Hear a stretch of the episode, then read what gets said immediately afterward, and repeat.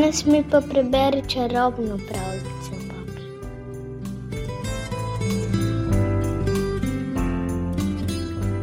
Ne vemo, kako je bilo revežu pravzaprav ime.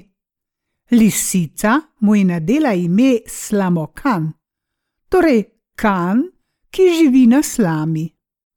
Uspelo ji je osrečiti Slamokana in za nagrado je dobila kozo.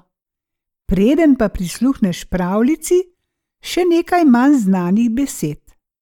Kan je poglavar, poveljnik, Padišah je cesar, vladar, Aul je tatarska gorska vas, Trojka je uprega s tremi konji, Džigit pa je junak, drzni jezdec. Slamokan, tatarska pravljica.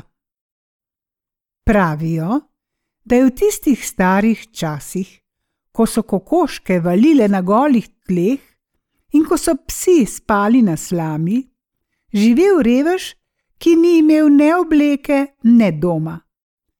Spal je na slami in slamo se je pokrival. Vse, kar je imel, je bila koza.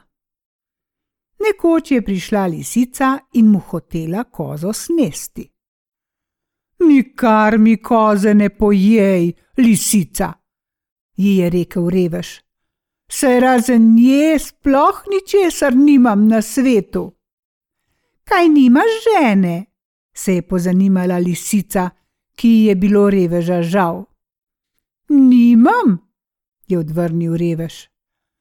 Dovoli mi, da kozo pojem, je rekla lisica, pa ti bom pomagala, da se boš oženil.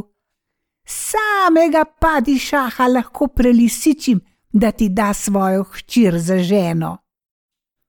Sama vidiš, kako je z menoj, je odvrnil revež. Še siromak mi ne bi dajal hčere za ženo, ne pa sam padišah pri tem pa ni vedel, ali bi se jokal ali smejal od veselja. To je moja skrb, je rekla lisica. Vem, kako se te stvari streže. In se je od reveža poslovila. Ko je lisica prišla v mesto, je začela stopati počasi, resno in dostojanstveno, kakor se spodobi od poslancu. Glejte, glejte, lisica gre, so rekli ljudje, ko so jo zagledali. Drugi pa niso mogli verjeti. Lisica, so rekli.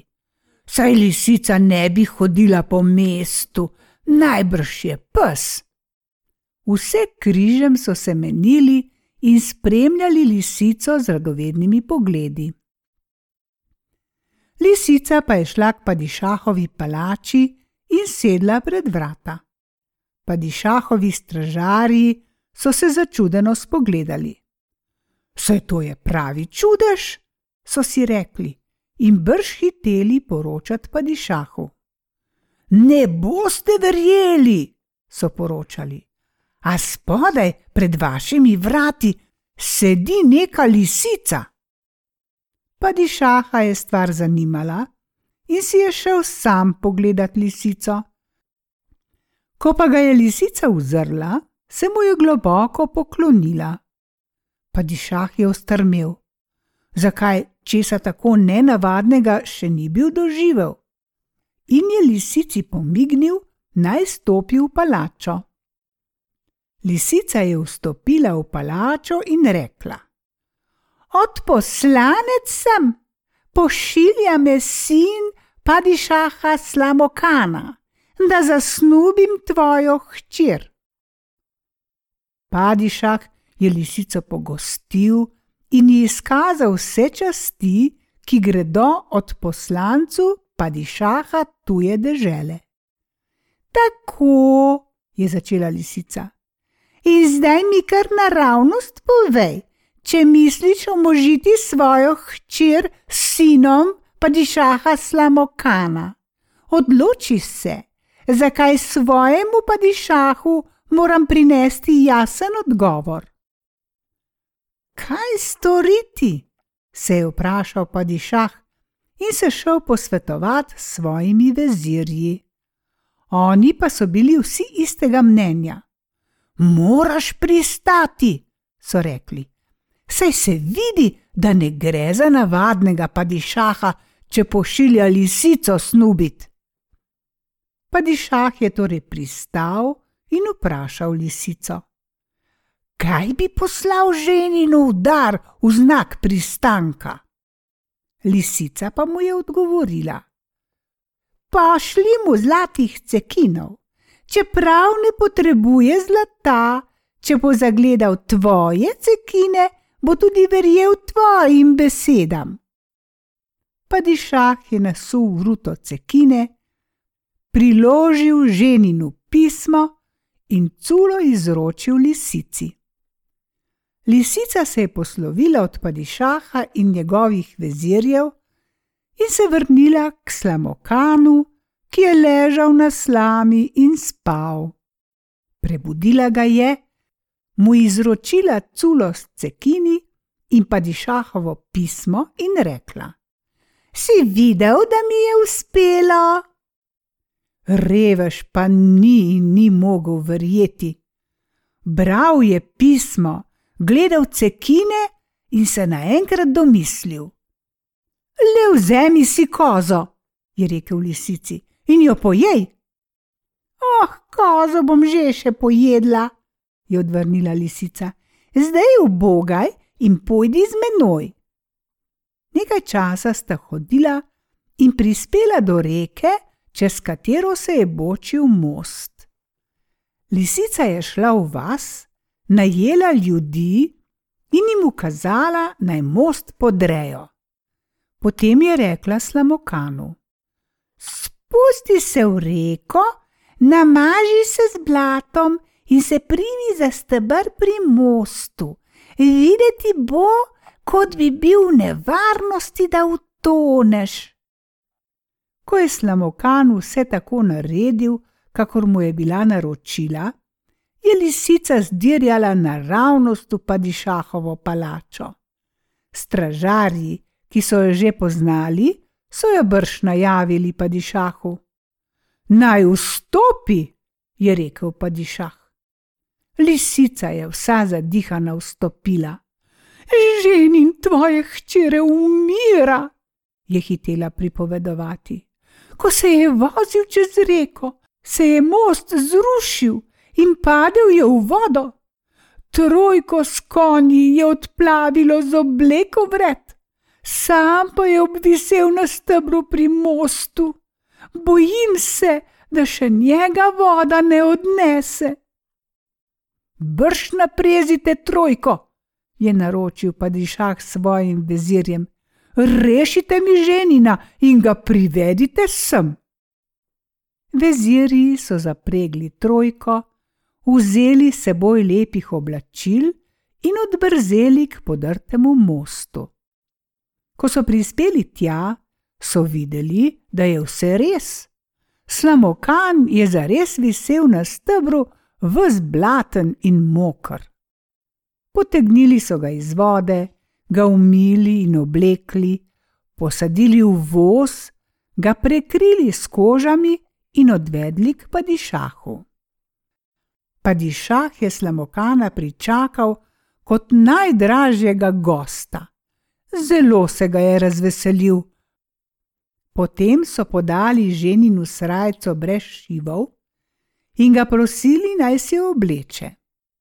Slamokan pa si je srajco ugledoval z vseh strani, zakaj takih reči ne le da ni nikoli nosil, še videl jih ni. Padišah pa je brž vprašal lisico, zakaj si ženin tako dolgo ugleduje srajco, da ni kaj narobe. Lisica pa je odvrnila. Njegove srajce, ki jih je voda odnesla, so bile vse lepše od te. Sam vidiš, je dodala, da mu tvoja srajca ni posebno všeč, sicer je ne bi tako dolgo obračal. Na padišahov ukaz so prinesli veliko množino raznovrstne obleke. Naj si torej sam izbere po svojem okusu, je rekel padišah lisici. Kar mu je všeč, tisto naj tudi obleče.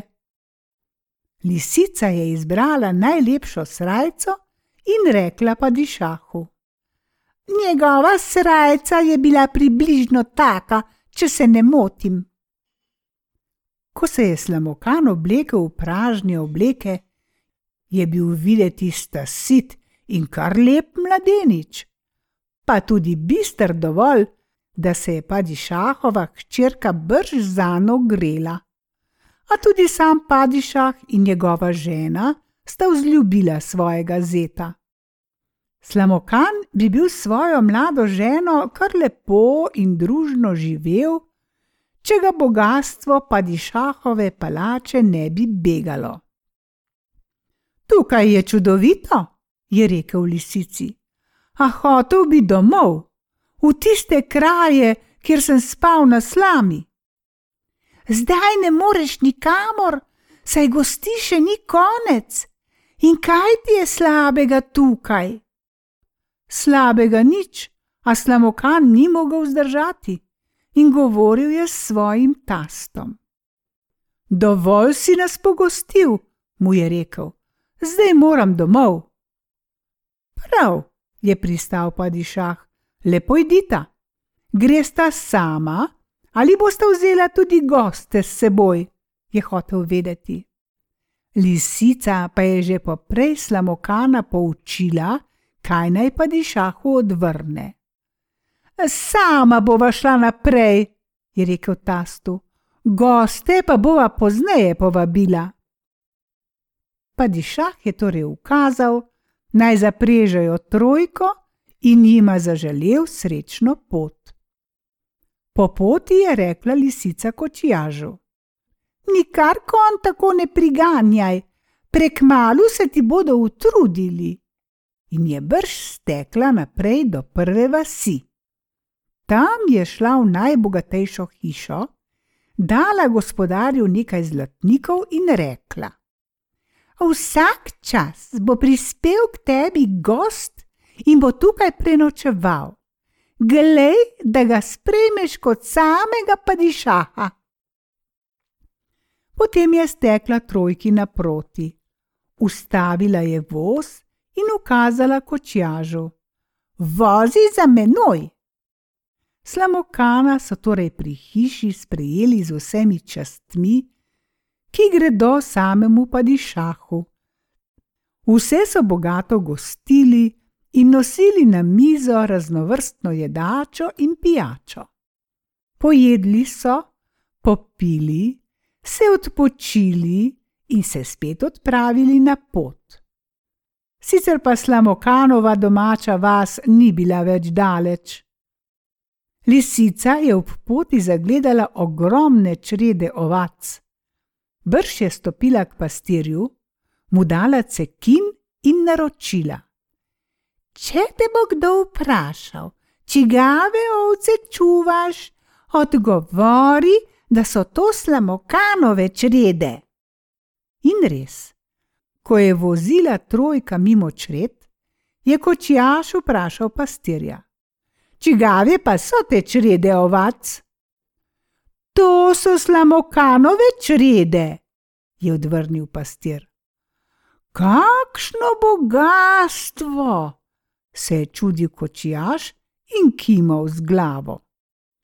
Lisica je spet hitela naprej in prišla v večji aul. V njem je poiskala najbogatejši šotor in naročila. Kmalu bo prispela trojka z mlado poročencema. Stecite k džigitu in se delajte, kot bi se gospodar vračal domov. Za uslugo vam podarim vse te zlate cekine. In ko je trojka prispela, so vsi tekli iz šotora, da bi se pozdravili objemali so slamokana, se od veselja jokali in začeli streči. Slamokanova žena je dobila vtis, da je prišla v možev dom. Tudi slamokan se je obnašal, kot bi bil doma. Zvečer, ko so se odpravljali spat, pa je lisica predlagala: V hiši je zatohlo, je rekla. E, mislim, da bi bilo bolje, če mladoporočenca spita na svežem zraku v kočiji. Tako so tudi storili. Sredi noči pa je lisica potihoma zapregla v kočijo konje in odpeljala voz na odprto polje k senenim stogom. Kaj pa da je vse storila tako spretno in neslišno, da se mladoporočenca še zbudila nista? Na to je senene stoge podkurila, da so zagoreli s silnim plamenom. Potem je glasno begala naokoli in kričala: Hej, zgoreli bomo, pogoreli! Še dobro, da sem že poprej zapregla, sicer bi bili ob vse. In je spodbodla konje, in trojka se je premaknila. Slamokanova žena je bila potrta. Kakšna nesreča! Slamokanova palača je zgorela, njegovo bogatstvo, vsi, vse. Kaj nam je zdaj storiti? In je svojemu očetu Padišahu napisala takole: Oče, velika nesreča se nama je primerila. Istega dne, ko sva prispela v Slamokanov dom, se je vnel požar, ki je do tal upepelil najn dom in vse najno imetje. Zdaj sva povsem obubožala. Brž, ko je pa dišak prebral hčerkino pismo, se je odločil. Povabil je oba, naj odslej živita v njegovi palači. Še več, dal je za njiju zgraditi posebno palačo in jo tudi lepo opremil. V to palačo sta se torej uselila Slamokan in njegova žena in živela v sreči in ljubezni. Šele tedaj, ko se je zvita lisica poslavljala od slamokana, je pristala. No, Džigit, mu je rekla, zdaj bom pa zares pojedla tvojo kozo.